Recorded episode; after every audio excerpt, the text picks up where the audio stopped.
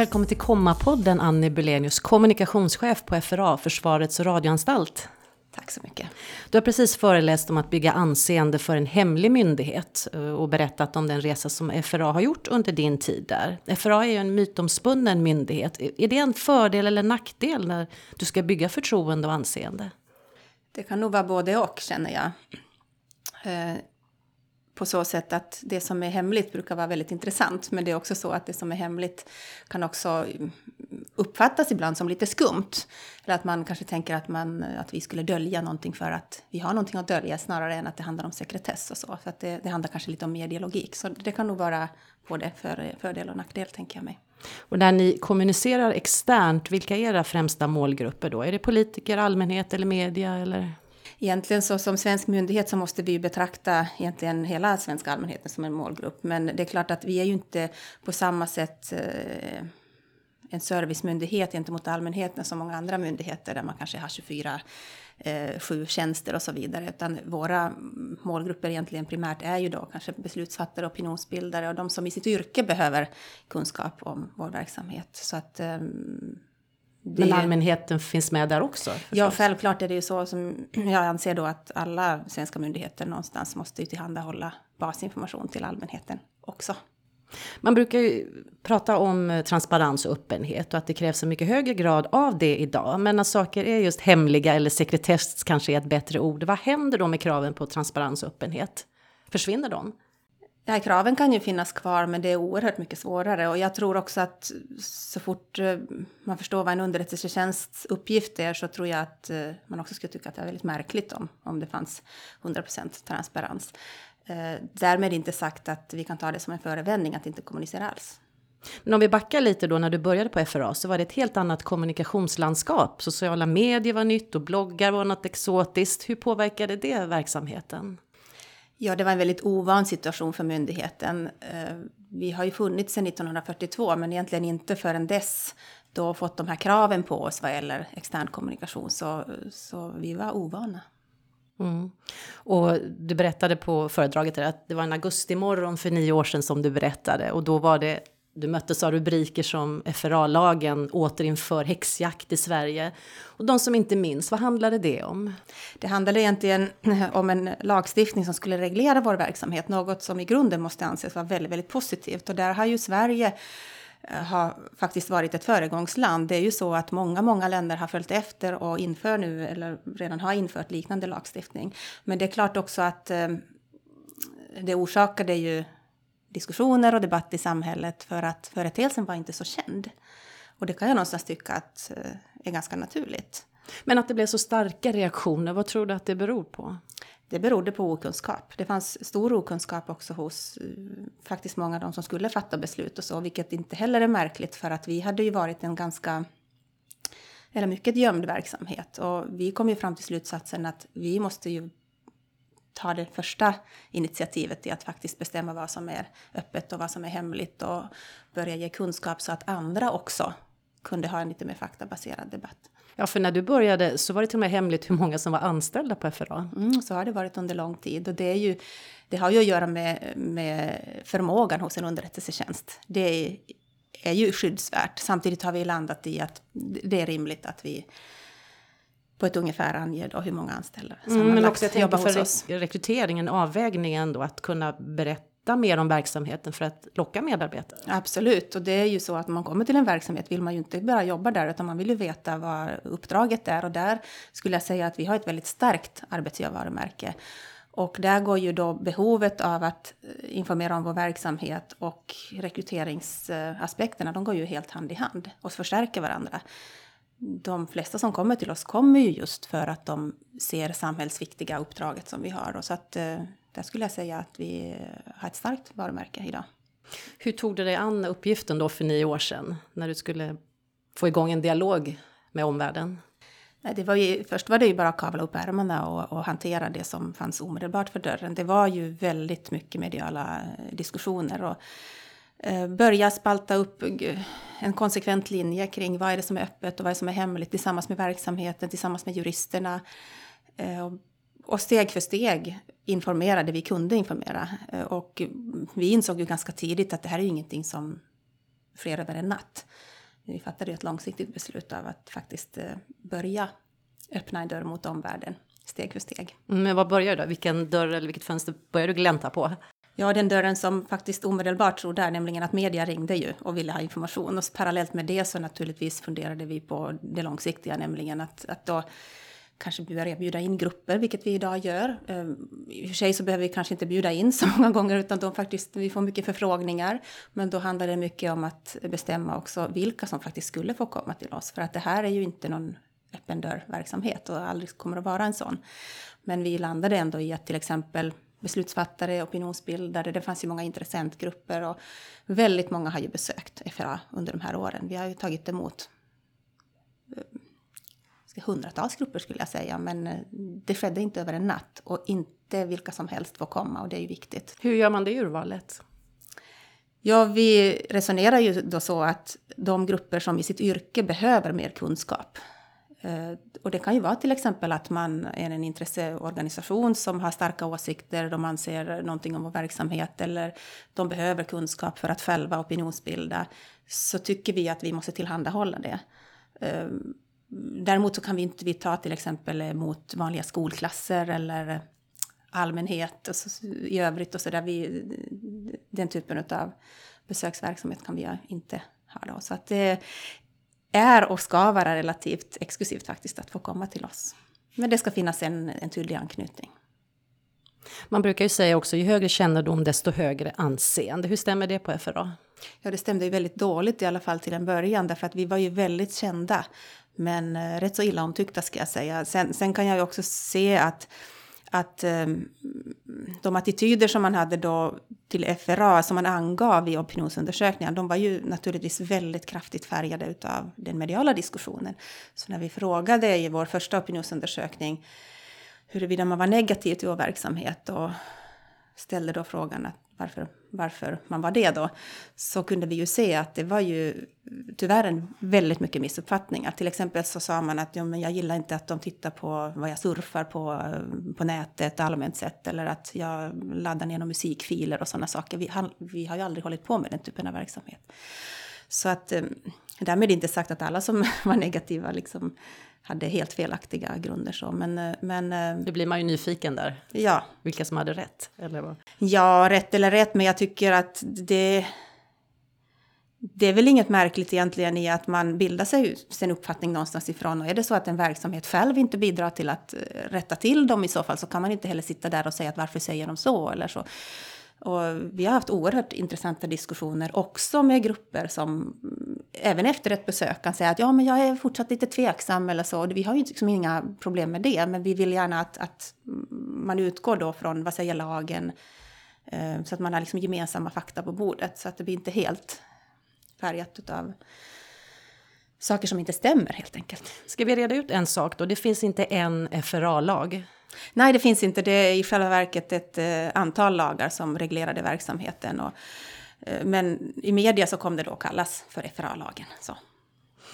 Nu ska du gå vidare i höst till nya uppdrag, men om du hade varit kvar på FRA, vad hade du velat utveckla kommunikationsmässigt då? I det här kommunikationslandskapet som vi har idag med AI och troll som agerar för att driva frågor. Ja, det var en knepig fråga.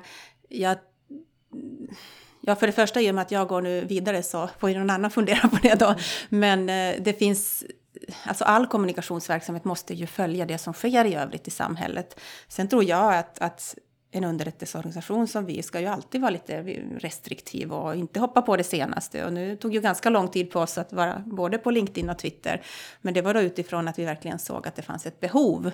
Vi hoppar liksom inte på vad som helst eh, bara för att. Men det följa utvecklingen helt enkelt och, och fortsätta att informera om vår verksamhet och stärka varumärket också vad gäller rekrytering inför kommande år och så. Jag tänkte att vi ska prata lite om krishantering också här i Komma-podden. I, I, en krishantering så tar man ofta stöd utifrån för att få just ett externt perspektiv, till exempel på kommunikationen. Man riskerar att agera på impuls och man har inte alltid det övergripande perspektivet mitt i ett krisförlopp. Hur agerar du i en krissituation och vad ser du är viktigt för att hantera kommunikationen på ett bra sätt?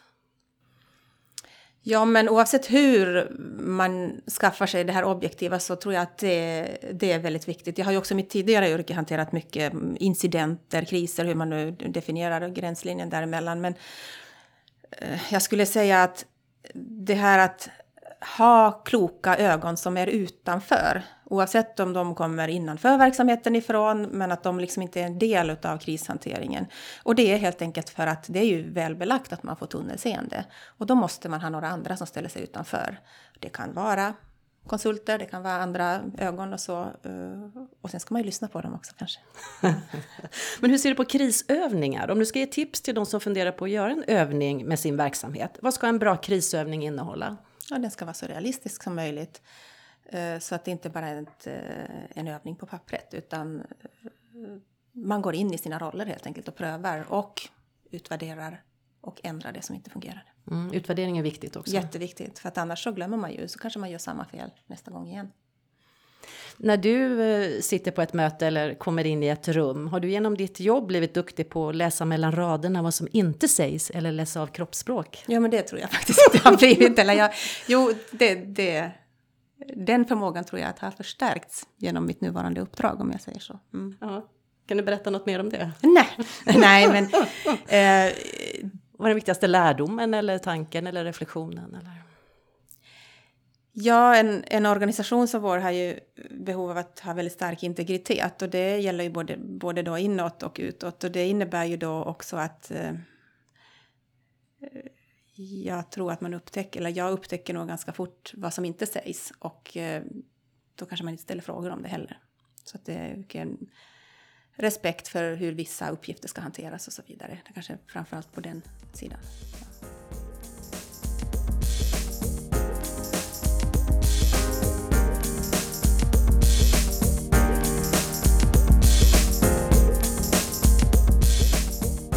Tidigare Kommapoddar hittar du på iTunes eller Acast och du kan också prenumerera på Kommapodden. och gå gärna in och kommentera och säg vad du tycker och tänker. Och vill du så kan du följa oss på LinkedIn, där heter vi Komma RM som i Reputation Management. Och dagens poddgäst heter Annie Belenius och du är kommunikationschef på FRA, Försvarets radioanstalt. Ett tema som vi tar upp i Kommas podd är ju anseende och förtroende. Och hur ser du på anseende? Kan man samarbeta om det olika myndigheter emellan? Eller är det något som man först måste bygga upp själv innan man kan bygga det tillsammans med andra? Jag tror att man ska både bygga upp det själv och samarbeta med andra. Varje myndighet måste ju naturligtvis ta utgångspunkt i sin egen verksamhet. Men sen tror jag också myndigheter emellan och där har ju både jag och jag vet att mm, andra myndighetskommunikationschefer har ju nätverk och så som är otroligt värdefulla. För där finns det ju till exempel vissa regelverk som styr myndigheters verksamhet kring allmänna handlingar. Man kan resonera om vad är viktig servicenivå, vad är skyndsam hantering till exempel utifrån ett allmänhets, allmänhetens intresse och så vidare. Att man har lite resonemang om samma principer. För det är ju så att myndigheter ska ju följa vissa lagar, till exempel eller allmänna handlingar och så. Och eh, det kan ju vara väl så viktigt att man stämmer av kring hur, hur gör ni och så. Så att jag tror att det är viktigt att samarbeta kring hur vi gör på olika myndigheter. Och det är så att ni, ni mäter ert förtroende eller anseende? Ja, vi gör sådana här opinionsmätningar varje eller varannat år och då har vi ju ställt samma fråga och de är väldigt övergripande. Det, det är kännedom och det är attityd gentemot myndigheten. Hur har kännedomen blivit? Och attityden? Ja, kännedomen har ju väl gått lite upp och ner. Den var ju som sagt väldigt, väldigt hög i eh, början, 2009. Sen gick den ganska raskt neråt och nu är väl kännedomen någonstans där mittemellan då, att den har ju den är ju inte lika hög då, man är inte på alla släppar. Vi är inte på alla släppar och det kanske inte vi ska vara heller, men, men allmänt så är det nog rätt så många idag bland allmänheten som ändå har ett övergripande eh, hum om att vi har en underrättelsetjänst och eh, vad FRA har för uppdrag. Och så. När du ställs inför någon, till exempel en journalist i din roll idag, som du vet har en bestämd åsikt på förhand så här, hur gör du då? Ja, jag respekterar den. Eh, och eh, samtidigt som jag anser då att det är klart att vi som myndighet måste ju både förklara och försvara och ibland inte hålla med. Men det, det är en kommunikativ om, utmaning. Ja, absolut, men det är ju också viktigt med integritet i de olika rollerna. Så det har ju funnits hur många tillfällen som helst där jag vet att där jag kanske har upplevt till och med att ja, men vinklingen är ju redan satt.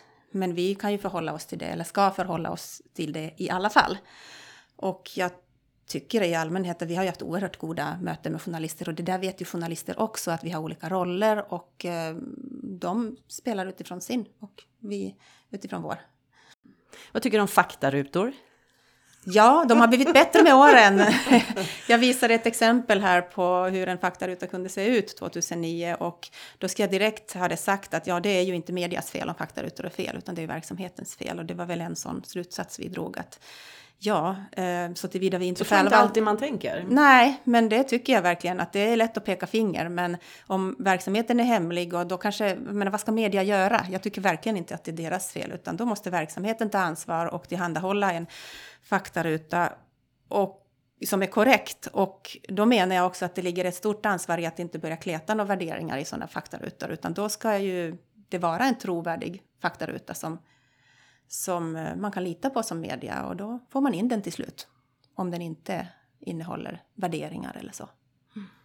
Ni har en forsknings och utvecklingsenhet på FRA och jag läste där, att där så testas det virus, trojaner och annan elakartad kod. Och i den labbmiljön så görs en mängd analyser för att penetrera system och nätverksutrustning. Och då funderar jag på i dessa Nobeltider ändå, skulle era forskare kunna få Nobelpriset och för vilken upptäckt i så fall? Oj, jag tror att våra forskare och utvecklare och eh, eh, de duktigaste specialisterna inom verksamhet skulle kunna få många Nobelpriser. Problemet är bara att de inte kan tala om vad de har gjort. Hmm. Följdfrågor på det? Nej, tyvärr. Men jag tror att de är väl så uppskattade i sina kretsar. Och det är ju också det som räknas för dem, tror jag. De eftersträvar varken Nobelpris eller annat, men de vet att de gör stor nytta. De är duktiga? De är jätteduktiga och de får nog den bekräftelse som de behöver i, i sitt yrkessammanhang i en, en snäv krets. Jag. Mm. Men jag tänker också utifrån det här när man ja, arbetar med det här att utveckla, eller en utvecklingsenhet, hitta, hitta nya metoder eller hitta nytt. Det, det, det är väldigt spännande att höra, men du kan inte berätta mer? Eller? Ja, inte vad gäller konkreta förmågor och metoder. Dessutom Nej. så övergår de ju mitt förstånd för att de är ju på en sån nivå att jag inte skulle begripa dem. Men, men du, labbmiljö, är det, vad är det för labbmiljö? Alltså det kan ju vara, alltså vi har ju mängder med olika sätt att testa saker som behövs i vår verksamhet. Det kan ju vara till exempel att vi ska vara duktiga på att följa olika svår, sårbarheter olika system för att vi vet ju att det, det vi hittar, det hittar ju främmande makt också. Så vår uppgift är att veta vilka sårbarheter det finns. Eh, och nu pratar jag till exempel om nätverk och viktiga informationssystem i samhället och så.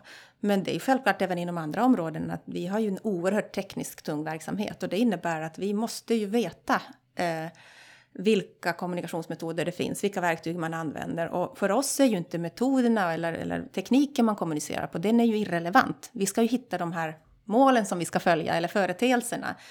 Eh, och det innebär ju i, i praktiken att om en utländsk militär som kan vara föremål för vår signalspaning därför att man har en befattning som är intressant, man är en del av en företeelse som är intressant, då är det ju fullkomligt irrelevant om det är ett gammalt system man kommunicerar på eller ett nytt. Vi ska hitta det i alla fall.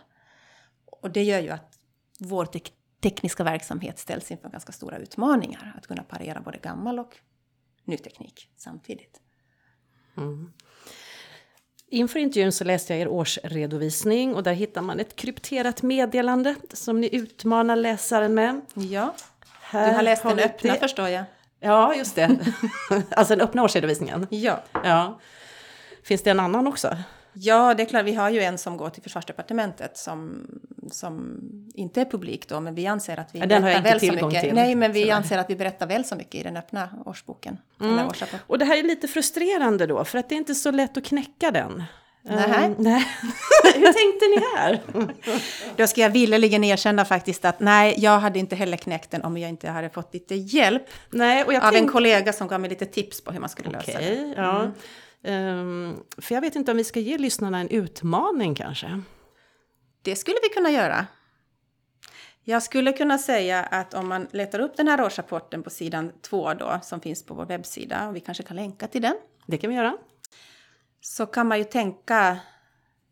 Ja, du får ge en ledtråd eller en hint eller så. Ja, man kan tänka 7 gånger 7 och att man ställer upp de här i ett 7 gånger 7 system. 7 gånger 7 system. Det är alltså 49 tecken.